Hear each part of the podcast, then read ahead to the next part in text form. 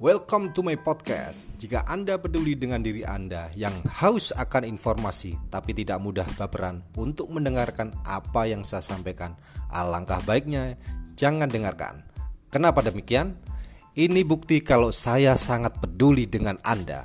Ingat, tetap pada track agar Anda makin bertumbuh jadi lebih baik. Selamat datang di podcast saya.